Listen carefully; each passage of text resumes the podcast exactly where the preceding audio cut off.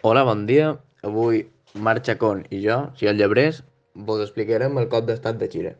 Esperem que vos agradi i disfruteu la vostra estància.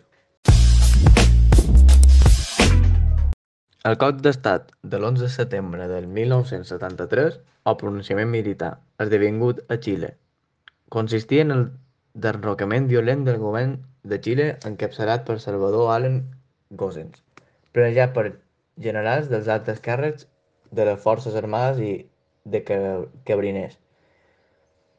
Després d'un període d'alta polarització política i convulsió, convulsió econòmica i social del país sud-americà, Salvador Allen va assumir el 1970 com a president de Xile, sent el primer polític d'orientació marxista en el món que va accedir al poder a través d'eleccions generals en un estat de dret.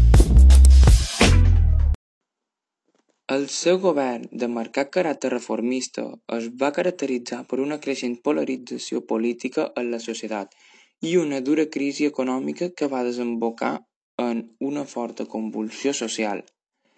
En el matí de l'11 de setembre del 1973, les cúpules de les forces armades i d'ordre van aconseguir ràpidament controlar gran part del país i van exigir la renúncia immediata del Salvador Allende qui es va refugiar al Palacio de la Moneda després del bombardeig de la seva presidencial.